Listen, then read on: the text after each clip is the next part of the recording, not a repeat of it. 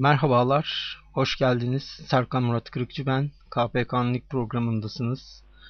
Nereden geldiniz, nasıl geldiniz, buraya nereden düştünüz bilmiyorum ama şimdiden ilginize e, teşekkürler. Nasıl başladığı hikayesiyle bir girizgahı yapıp anlatmaya başlayacağım sonrasında film, dizi ve kitapları. 2006'da bir blog kurdum. Adı Kayıp Paylaşımlar Koleksiyoncusu bilenleriniz vardır. E, Bodakidi.com adresinde konuşlanıyor 14 yıldır. Onunla o isimlerin nereden geldiği sıklıkla söylenir. Sosyal medyada da e, öyle geçtiği için her yerde aynı nickname'i kullandığım için. E, nickname ile başlayayım. Nickname'i e, Bodakidi ismini yanılmıyorsam 90'ların ortalarında aldım. Daha ortada internet ve benzeri hiçbir şey yokken. Ee, şundan kaynaklandı. İhtiyaç nereden doğdu onu zerre hatırlamıyorum ama Nirvana vokalisti Kurt Cobain'i sanırım hepiniz biliyorsunuzdur. Çok severim Kurt Cobain'i. Hayat hikayesini, kitaplarını, plaklarını, her şeyini biriktiririm yıllardan beri. Ee, Kurt Cobain'in çocukluğunda bütün haylazlıklarını üzerine attığı bir hayali arkadaşı vardır. Evde bir şey kırdığında ben yapmadım bana kır yaptı der. Ee, o hayali arkadaşın ismi Bodah attık cebe ve o dönemde de halen de sürekli kedi beslediğim için hatta bir ara 10-12'ye kadar çıktığı için kedi sevgisinde yanına iliştirip o da kedi adını aldım. Sonrasında e, çağ değişti, internetle tanıştık. Yazdığım yazılar, e, bir yere aldığım notlar ihtiyacımı artık karşılaması gerekiyordu. O ihtiyacı karşılaması için de e, blogda mantıklı göründü gözüme amacım birilerinin okuması, çok ilgi görmesi falan değildi. Sadece bütün yazıları hep birlikte bir yerde taşımak, bir arşivlemekti. Sonrasında işler farklı gelişti. Bir ara e, çeviri haberlerle e, bütün gelişmeleri ilk veren bloğa dönüştü. Blog kimliğinden çıkıp site diye bakanlar, e, benden daha fazla ciddiye alanlar, benden daha sık girenler de oldu. Ee, sonrasında Ekşi Sözlüğe, Wikipedia'ya kaynaklık da ettik. Epey bir süredir daha minimal şekilde işliyor e, Bodakidi.com. Dolayısıyla program için e, ilerleyişte artık yine çağın değişimi ile oluştu. Artık çağ değişti insanların internet sitelerine girme konusunda eskisi kadar istekli olmadıkları belli. Haber başlığını okuyup o linkleri tıklamadan sadece haber başlığı üzerinden yorum yaptıkları da bilinen gerçek. Araştırmalar da bunu söylüyor.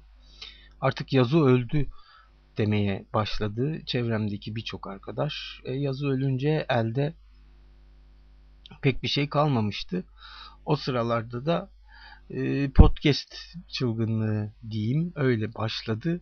Podcast çılgınlığına uzun süre uzak durdum ama bir noktadan sonra yakın zamanda e, birçok arkadaş, blog okurları, e, tanıdıklar artık senin de podcast yapma vaktin geldi demeye başladı. Geçmişte radyo programı da yaptığım ve bunu da sevdiğimi sıklıkla söylediğim için öyle bir anlam çıkartıldı. En sonunda da çok sevgili arkadaşım Mihrace sesini de alıntılarda duyacağınız Mihrace Yekenkül'ü e, artık podcast yap, podcast yap demeyi aştı. Artık mecburiyete dönüştürecek derecede e, içime işletti. Kanıma girdi. E, gazı da verdi. Ben de kendimi burada buldum. Sonuçta yazının yerini artık konuşmanın aldığı çok kısa yorumları söyleyerek hayatı da hızlandırdığımızı düşünürsek podcast bu anlamda doğru karar sanırım. İlerleyen süreçte göreceğiz zaten bu programı sadece birincisini dinleyip ya bundan bir halt olmaz demediğiniz müddetçe dinleyecekseniz e, sonrasında bir şeylerin ne olduğunu görürüz. Doğru karar olup olmadığını görürüz. E, böyle bu podcast macerası çok fazla uzatmadan e, yorumlara geçebilirim artık herhalde.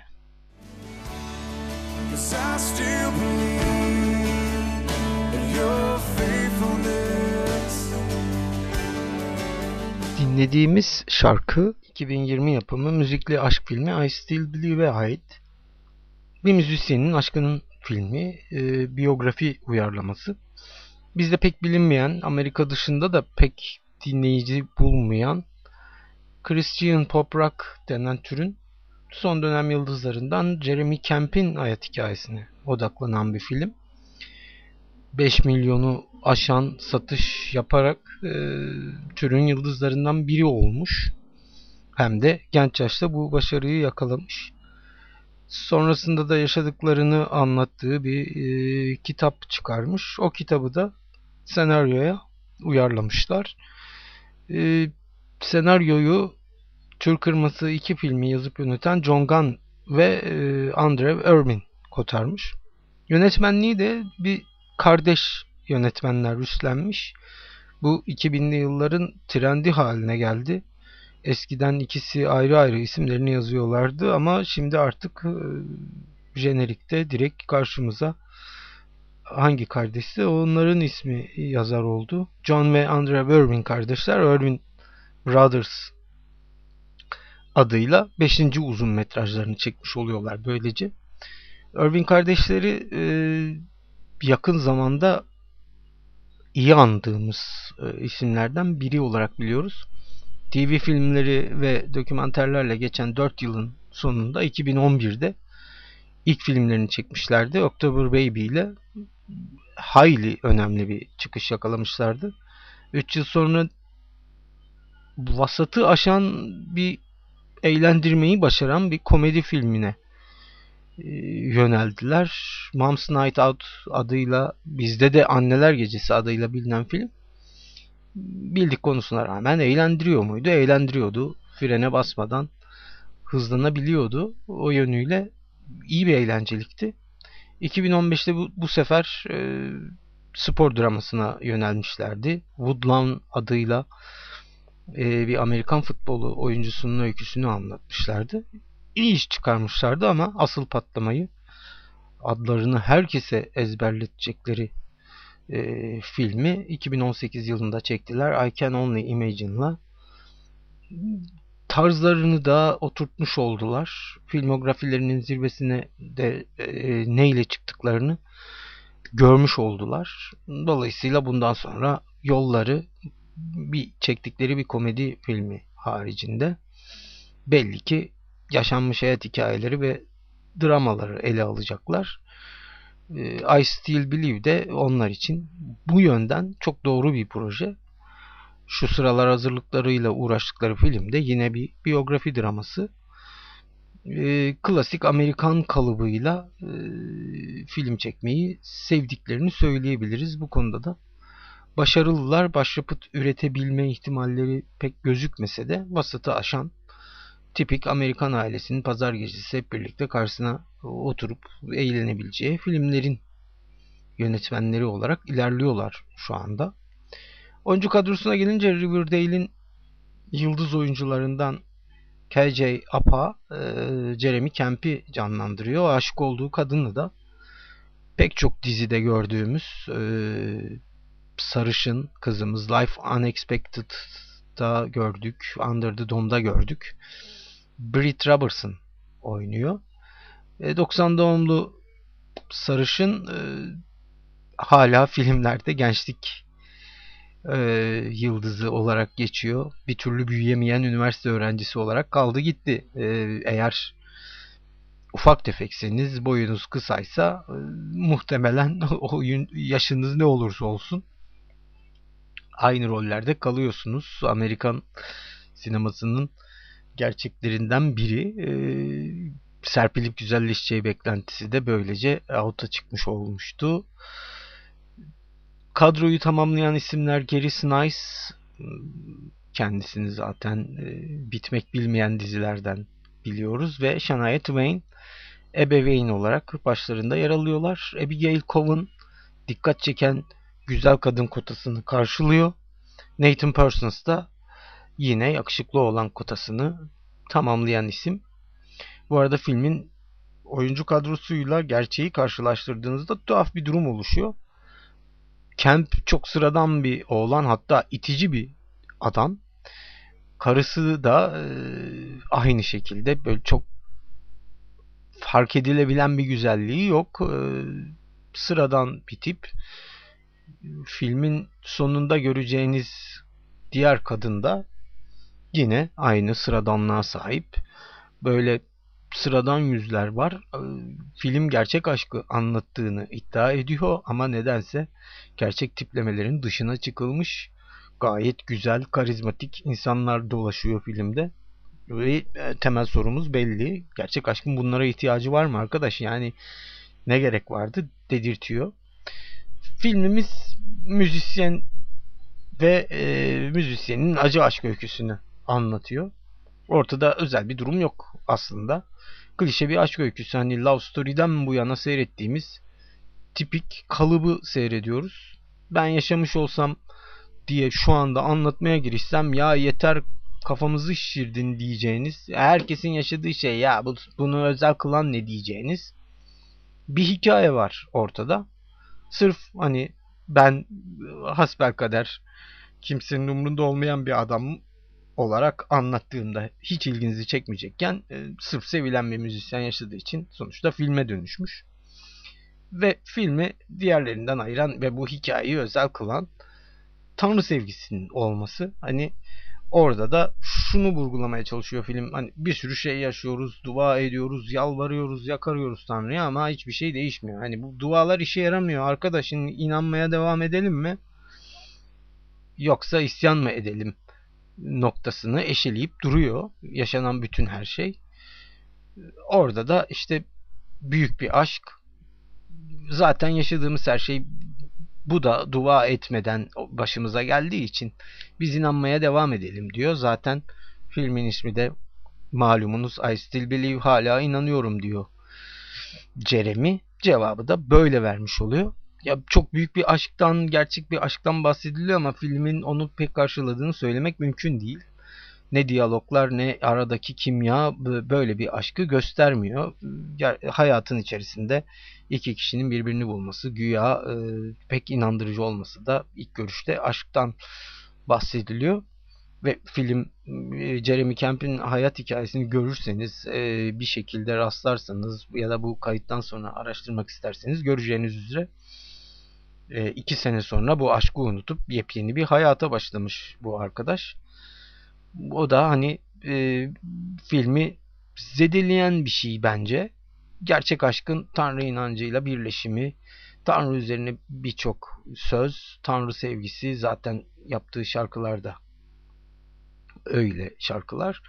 Dolayısıyla gerçek aşkın Tanrı inancıyla birleşimi sloganıyla 13 Mart'ta gişeye çıkmış. 10 milyon doları aşan bir e, gişe başarısı yakalamış. Tabi korona planları bozunca izleyiciyi dijitalde arıyor. 116 dakikalık aşk şöleni değil maalesef. Aşkı arayanları başka kapıya yönlendirmek gerekiyor. Çok vakit kaybetmeyin derim. Görünen müzikle e, aşk hikayesinin birleşimi olsa da afiş epey bir gel bana beni seyret dese de maalesef durum öyle değil.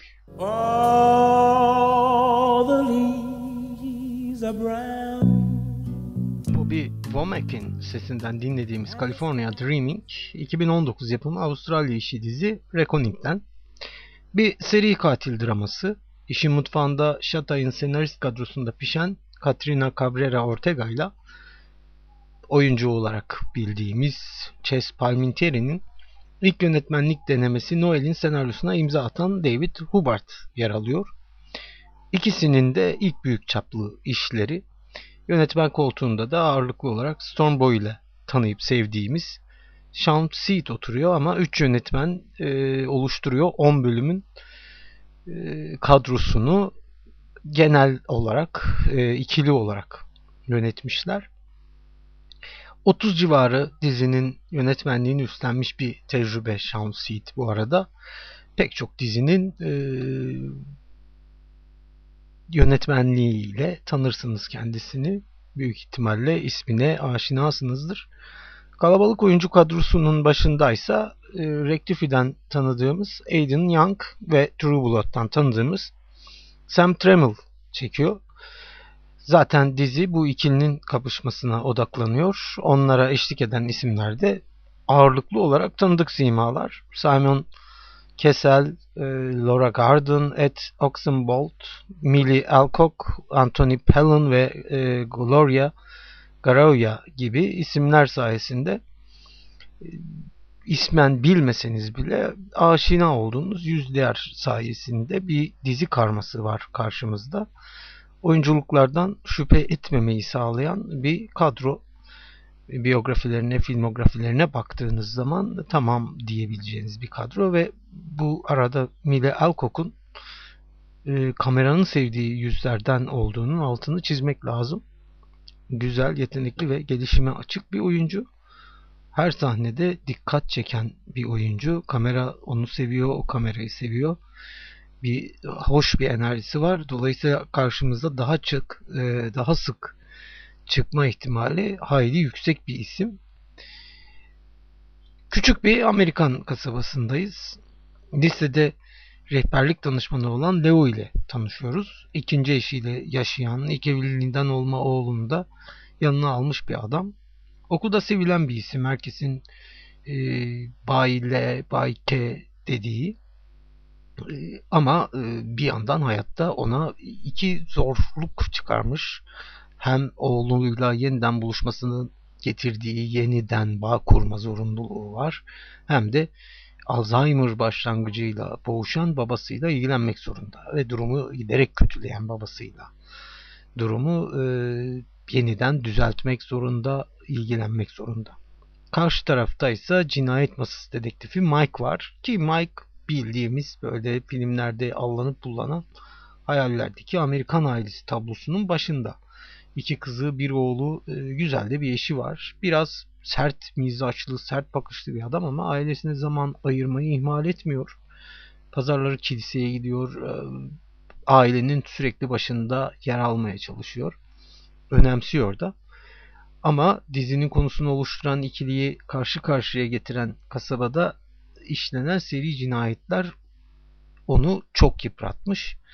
Russian River katili olarak adlandırılan e, katili bir türlü yakalayamamak Mike'ı hayli yıpratmış. 5 yıldır suskun bir katil var ortada. Kızları nehir kenarına götürüyor. Boğarak öldürüyor ve denemelerini kesip alıyor. Bu şablonun e, yeni kurban ile karşımıza tekrar çıkması da dizinin konusunu oluşturuyor. Reconning e, bir seri katil polisiye gerilimi şablonunu taşıyor. Bunu başarıyla uyguluyor. Ama e, bunun artısı olarak da işin psikolojik yönüne eğiliyor. 10 bölümlük dizi kuzey polisiyeleri atmosferine çok yakın her karakteri derinleştirmeye çalışan, yan öyküleri yapbozun parçaları olarak birbirine bağlamaya çalışan bir dizi. Bunu da başarıyor. Sezonun ortasında katilin kimliğini açık edip derdinin bu olmadığını da gösteriyor. Katille peşindeki dedektifin dürtülerine odaklanmak yaptığı şey. Öldürme içgüdüsü, dürtüleri kontrol etme çabası, nefessiz kalma nöbetleri üzerinden bir katille bir türlü katili bulamadığı için dağılmak üzere olan kurbanların dövmeleriyle vücudunu kuşatan, kurbanların annesiyle olan ilişkide çizgiyi yer yer aşabilen, özetle havanda su döven bir dedektif var işin içinde. Bu dürtülere odaklanmakla birlikte e, ilerleyen bir dizi.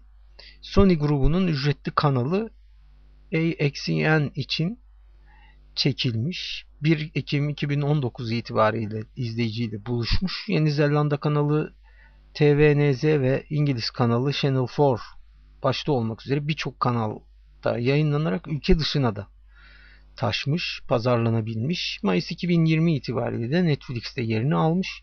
Ama nedendir bilinmez. E, Türkiye içeriğinde yok.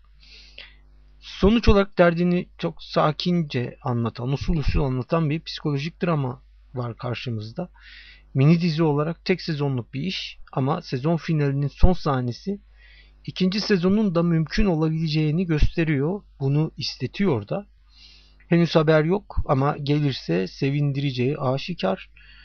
Ya gelmezse bu haliyle seri katil e, temalı polisiye sevenler izlesin mi derseniz keyifle izles, izleyecekler. Tabi çok aksiyon beklentisine girmemek kaydıyla e, 10 bölüm özellikle ilk 3 bölümde taşlar yerine oturana kadar biraz sabır isteyecek ama sonrasında ortaya gayet keyifli bir dizi çıkıyor.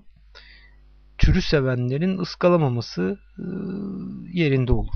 La la la.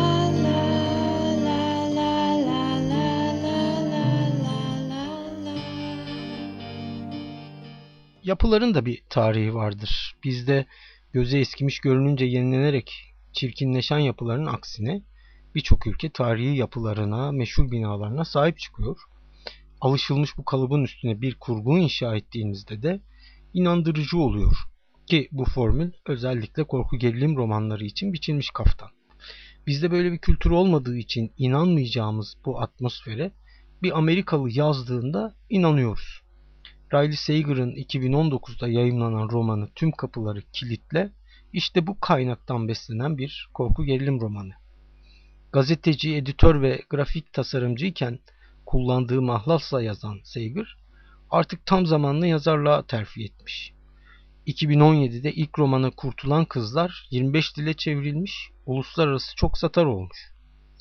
The Last Time I Lead ile 2018'de bunu tekrarladıktan sonra 2019'da da Lock Every Door'u yayımlamış. Roman Esat Ören'in çevirisiyle Itaki yayınlarından çıkmış.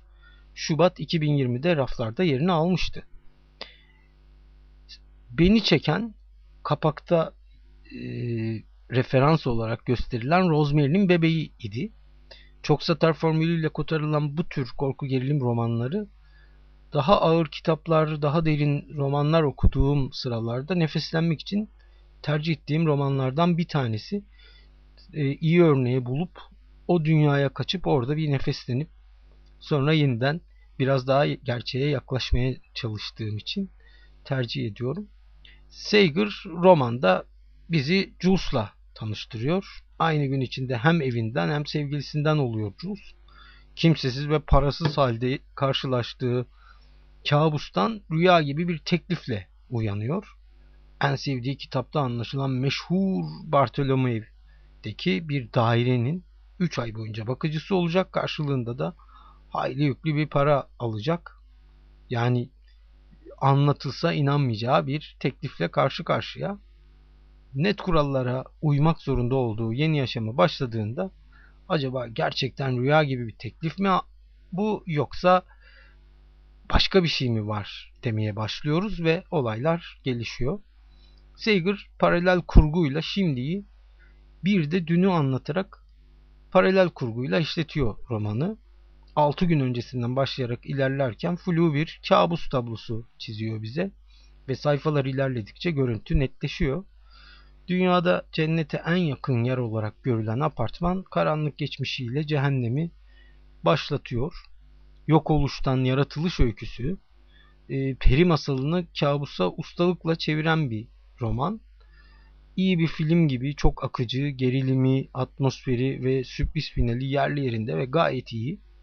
Türü sevenlerin keyifli okuyacağı bir roman.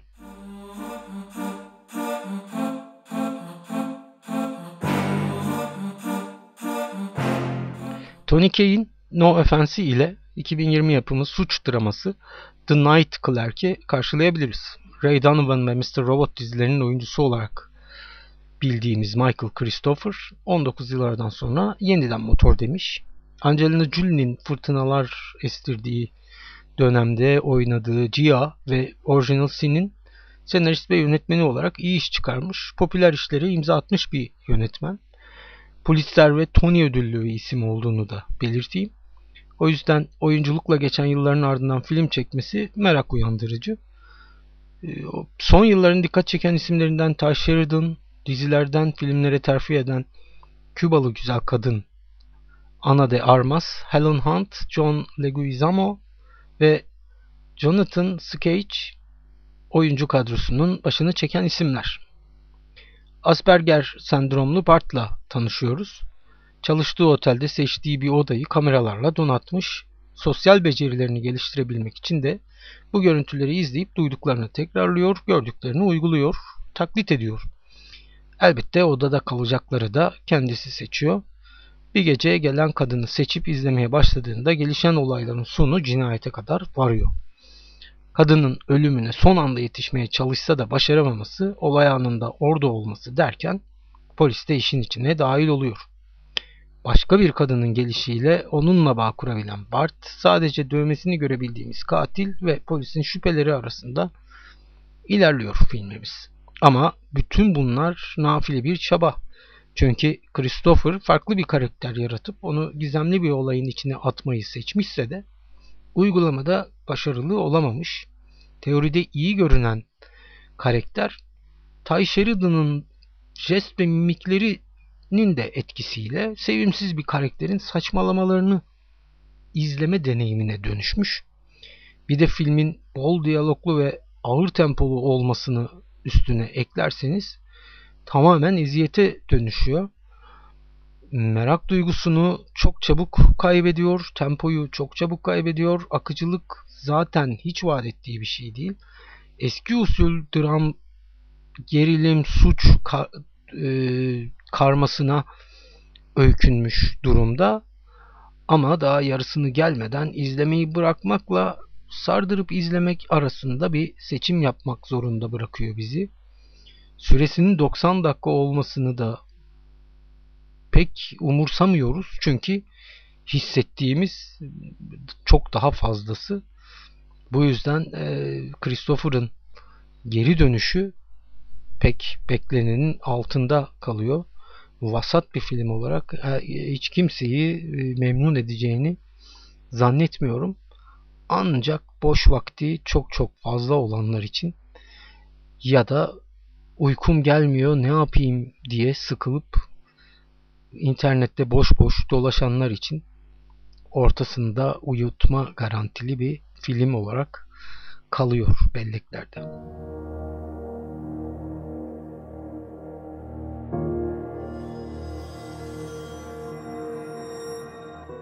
Tom Hill, Daniel Melander ve Daniel Brooks üçlüsünün Open Up Your Eyes'ını jenerik müziği olarak kullanan The Glowing 8 bölümlük bir suç draması.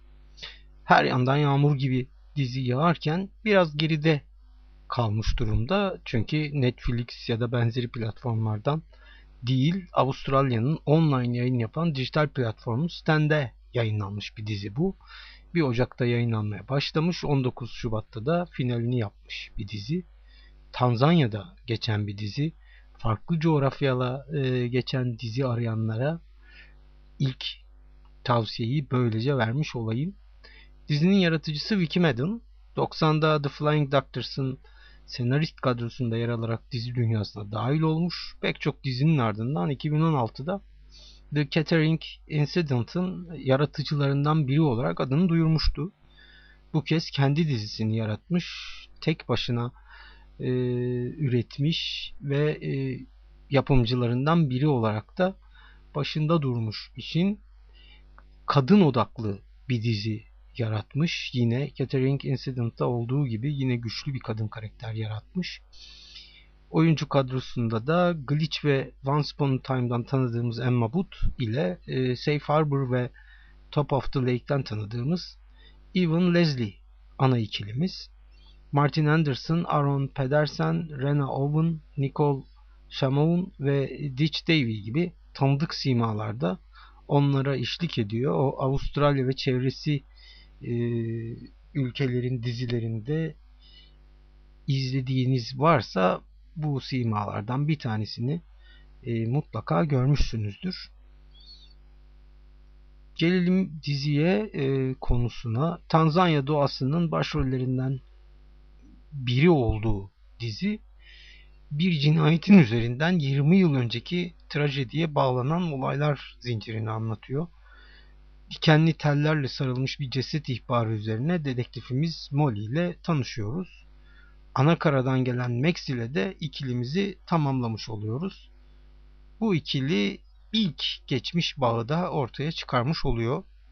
20 yıl önce yaşanan tuhaf bir cinayet Max'i Anakara'dan koparmış.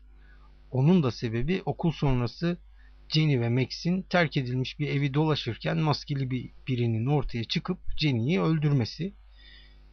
Hayal ürünü gibi görünen maskeliye o yaştaki Max tabi çocuk olarak kimseyi inandıramamış ve olay halen gizemini korumaya devam etmiş. Max'in dönüşüyle yeni cinayetin araştırılmasıyla trajedi tazeleniyor ve e, dizi tamamen açılmış oluyor. Öte yandan araştırmaya hayaletler, aile kökleri derken Madden yapbozun bütün parçalarını yavaş yavaş masaya döküyor. Hiçbir şeyin yüzeysel olmadığını, e, boşuna olmadığını her bölüm gösteriyor. Her şey giderek derinleşiyor. Biraz ağır işliyor dizi ama boş dakikası olmadan her karaktere vakit ayırarak ilerliyor. Batıl inançlar, doğaüstü güçler, kara büyü, gelenekler derken zengin menüsüyle de finale yürüyor. Yan öyküleri de sorularla donatıyor ve hepsine tatmin edici cevaplar verip bir de üstüne çok iyi final yaparak yapbozunu tamamlıyor. E daha ne olsun e, dedirtiyor bize. E, The Gloaming kıyıda köşede e, izleyicisini bekleyen izleyiciyi memnun edecek 8 bölümlük çok iyi bir dizi. Özellikle finalin çok iyi olduğunu e, spoiler vermeden açıklanamayacağı için e, kara büyü üzerine kafa yoran, kara büyülü filmleri sevenlerin e, çok seveceği bir bölüm olduğunu belirteyim. E, dediğim gibi dizi e, keşifçisini bekliyor. Three, two, one.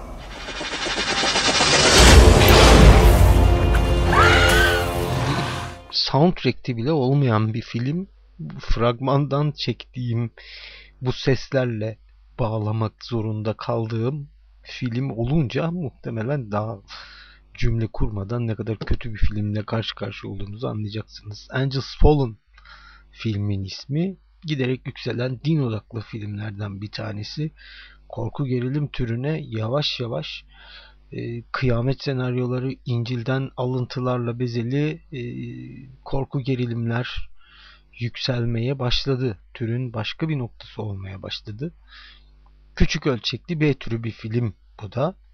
E, türün filmlerinde irili ufaklı roller almış aktrist Amanda Barton senaryoyu kotarmış. 2016 yapımı The Amityville terörden sonra ikinci senaryosu ki Amityville terör olayını e, irili ufaklı pek çok filmden dolayı biliyorsunuzdur. Kendisinin ürettiği bir senaryo değil o da. Yönetme koltuğunda ise Ali Zamani oturuyor. 2015'te çektiği komedi Maldax'la yönetmenliğe başlamış Zamani. Bir yıl sonra yine bir komedi filmi çekmiş Euro Club adında. Hemen ardından üçüncü filmde direksiyonu drama kırmış ve Opus of an Angel ile festivalleri dolaşmış. 12 ödül almış. Ee, şaşırtıcı bir çıkış yapmış. 3 yıl sonra yeniden motor demek içinse niye sorusunu kendisine sormak lazım aslında. Korku filmine dikmiş gözünü.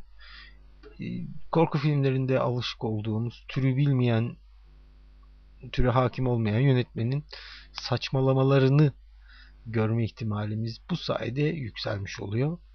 Nikola Posener, Carolyn Amaguet, Filareta Atanosova, Houston Rhines gibi tanımadığımız isimlerden oluşan bir kadro var.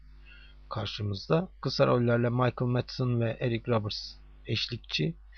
İlginç olan mesela bu kadrodan Chinese American Film Festival'de Li Jing'in en iyi yardımcı kadın oyuncu kategorisinde Golden Angel Award'ı alması. Kadını altın melek yapmışlar ama hem rolü e, çok kısa hem de film boyunca nereye düştüm ben şeklinde ortalıkta geziniyor. Çok kötü bir oyunculuk sergiliyor. Ödülü alma ihtimali aklınıza bile gelmez. E, filmin 86 dakika olması dışında herhangi bir artısı yok. Efektler inanılmaz uyduruk. Konu diye bir şey olduğunu göremedim ben. Hiç ortada konu namına bir şey yok. Oyunculuklar inanılmaz derecede kötü. Faciayı andıran kötülükte. Bir oyuncu bağıra çağıra oynuyor. Diğer bir oyuncu kendisini Keanu Reeves'e benzetiyor. Muhtemelen kamera önünde. Dolayısıyla sürekli Keanu Reeves gibi ortalıkta poz veriyor meleklerin avlanmasını konu edinen bir film. Her an aksiyon başlayacak diye düşündürtüyor ama hiç başlamıyor. Sahne ve sekans bütünlüklerinden de e, hiç mi hiç nasibini almamış. Dolayısıyla zamaninin bunun dördüncü filmi olduğunu anlamak pek mümkün değil. İçine e, filmde avladıkları gibi şeytan girmiş olsa gerek. E, çektiğinin filmle pek alakası yok. 14 Ocak itibariyle DVD ve dijitale sunulmuş ama gördüğünüz yerde kaçın hiç bulaşmayın. Niye bunları anlattım diye soracak olursanız e, herhalde senenin en kötü filmi. Ee, o yüzden muhtemelen üstüne de daha kötüsünü izleme ihtimalim en azından benim ihtimalim yok. Sonuç olarak Angels Fallen Melekler düşsün, istediği kadar düşsün, hiç bulaşmayın. Gördüğünüz yerde kaçın.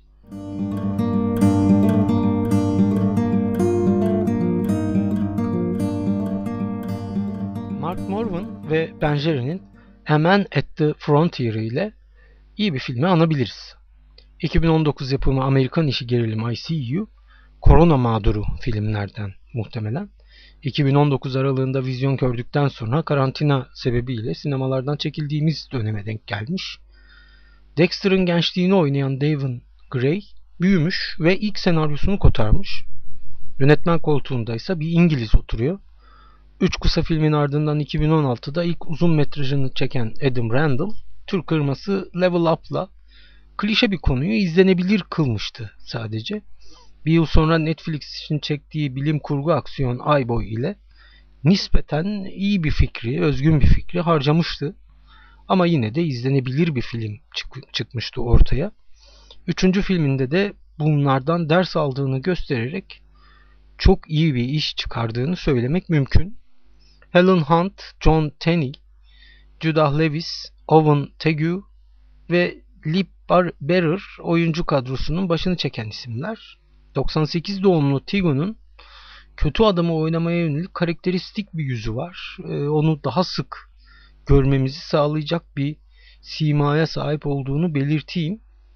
Ee, bir anda patlamaya hazır, e, sinir sahibi, kötüleşmeye dönüşmek üzere olan karakterler konusunda daha çok seçim yapılacak büyük ihtimalle senaristler ve yönetmenler tarafından oynadığı dizi ve filmlerde dikkat çektiğini herkes görebilir. Denk gelen herkes e, muhtemelen bunu fark edecektir. Dönelim filme. Harper ailesiyle tanışıyoruz. Oğullarıyla birlikte yaşayan gayet sorunlu bir aile. Psikolog anne aldatmış, dedektif baba ayrı yatakta yatıyor. Oğul da duruma öfkeli ve herkesten uzak. İki, ikisi de ilaç kullanan ebeveynin ortasında bir dağılmak üzere olan dağılmış bir aileyi görüyoruz. Güzel bir evde kalıyorlar. İkinci dala hemen daha açılışta sıçradığımız dala tekrar dönüyoruz. Açılışta gördüğümüz çocuğun ilginç bir sahne sayesinde gördüğümüz çocuğun kayıp olduğunu anlamamızda hikaye tamamen kendi suyunu bulmuş oluyor ve akmaya başlıyor. Ve bu arada koca evde bir takım tuhaflıklar olduğunu görmemiz de uzun sürmüyor. Hayalet mi var acaba, biri mi yaşıyor gizlice derken olaylar hızla akıyor ve tam en heyecanlı yerinde kesiyoruz. Böylece filmin ikinci yarısı evde ne olduğunu anlatmaya başlıyor. Gördüklerimizi farklı açıdan tekrar görüp bulmacayı tamamlıyoruz. Çok iyi bir senaryo ve kurgu ile çok akıcı ve merak unsurunu son ana dek koruyan çok iyi bir film var karşımızda.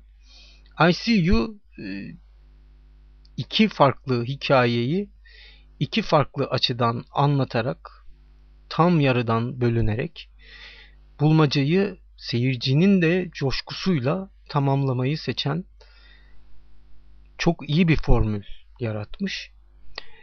Sıklıkla sinemanın öldüğünden anlatacak hiçbir konunun artık kalmadığından, özgün işlerle nadiren karşılaştığımızdan yakınıyoruz. Heyecanımız ve beklentilerimiz genelde düşük bu sayede.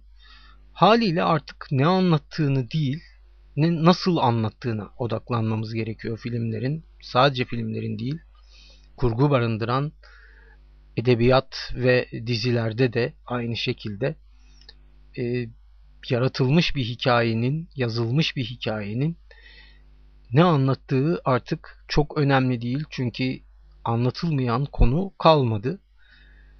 Bu noktada önemli olan hikayeyi nasıl anlattığınız. İşte ICU bu konuda saat gibi işleyen bir senaryoyla ve kurguyla aslında çok basit, düz anlatıldığında her şeyin çok belirgin olduğu şeyi çok çok iyi anlatıyor. Senaryo ve kurgunun ne kadar önemli olduğunu gösteriyor. Zaten filmin başlangıç sahnesiyle birlikte duyduğumuz müzikler ve ses kuşağı iyi bir filmle karşı karşıya olduğumuzu gösteren e, özelliklerden bir tanesi. Dolayısıyla ses kuşağını ve müzikleri çok iyi kullanan, görüntü yönetiminin de eşliğiyle e, bunu çok iyi işleten, çok iyi bir bütün. ICU herhalde şu sıralarda e, izlenebilecek en iyi filmlerden bir tanesi diyorum. Ve e, meraklısına tavsiye ediyorum. İyi vakit geçirme garantisi var. Bu arada filmin sürpriz barındırdığını da belirteyim. Sürprizi anlayıp anlamama konusu tamamen size bağlı. Ona kafayı takıyorsanız muhtemelen çözeceksiniz o sürprizi. Çok büyük bir sürpriz olmayacak ama siz e, senaryoyu, müzikleri, temel atmosferin keyfini çıkarmayı, ondan tad almayı daha da ön plana tutur, tutarsanız eğer e, karşınızda iyi bir vakit geçirten film çıkacak. Muhtemelen de e, çok beğeneceksiniz.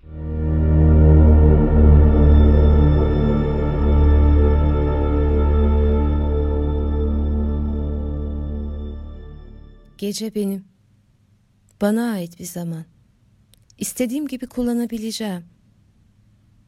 Sessiz kaldığım sürece. Kıpırdamadığım sürece hareketsiz yattığım sürece.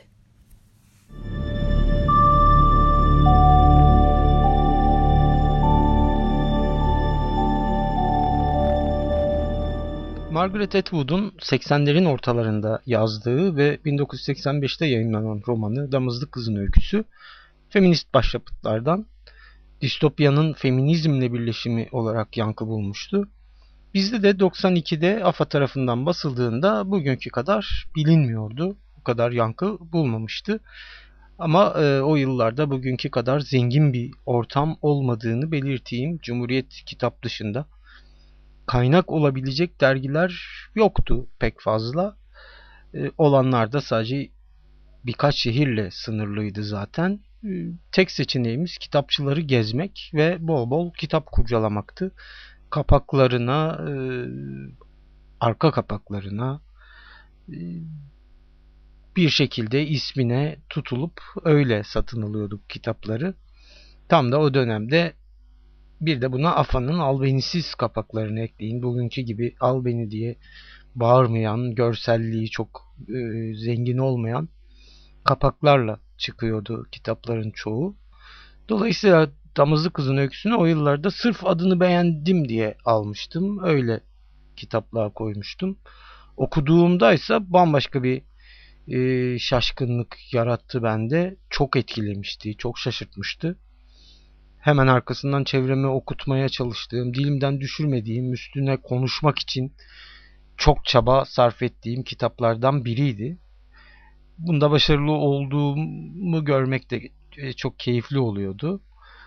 Zaten e, kendinizin keşfettiğin kitapların böyle bir etkisi var. Bayrağınız haline geliyor. Onu salladıkça birileri bu bayrağı sizin yanınızda sallamaya başladığında işin keyfi çıkıyor ortaya.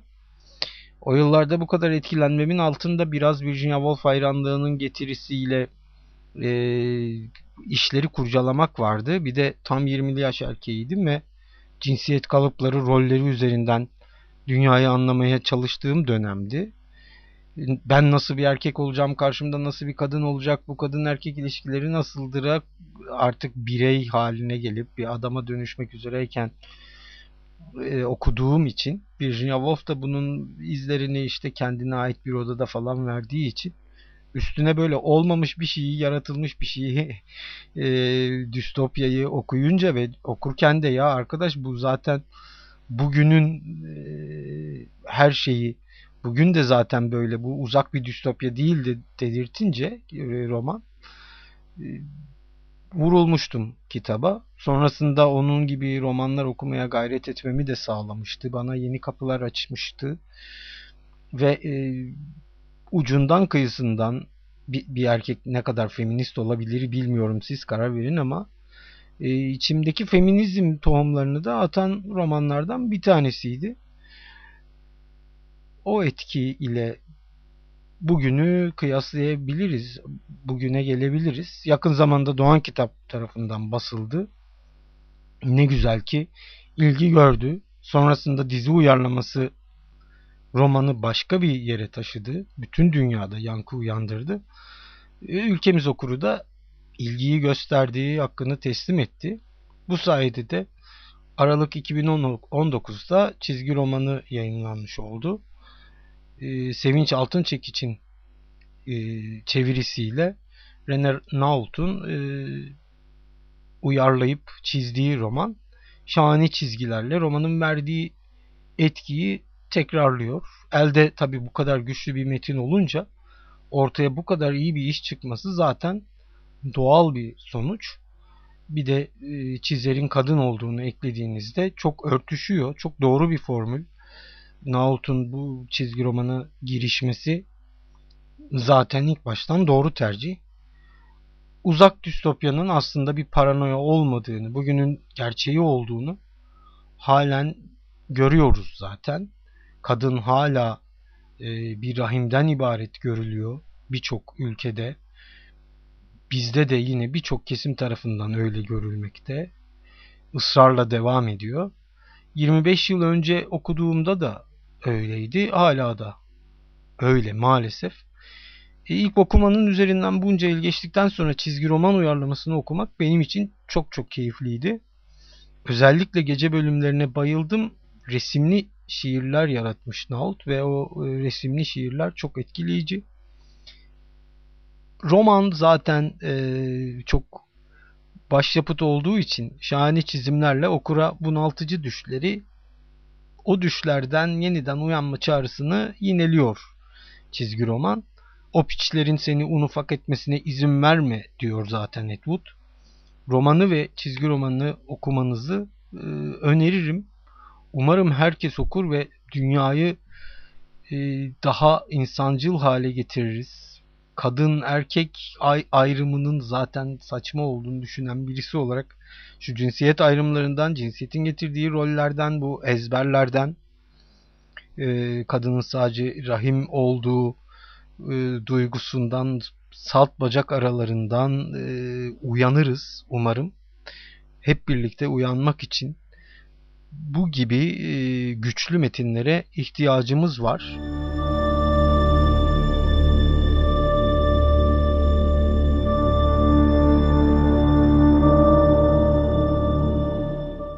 Ne mutlu ruhta fakir olanlara. Çünkü göklerin hükümranlığı onlarındır. Ne mutlu merhametli olanlara. Ne mutlu yumuşak huylu olanlara. Ne mutlu sessizlere. Ne mutlu yaslı olanlara. Çünkü onlar teselli edileceklerdir.''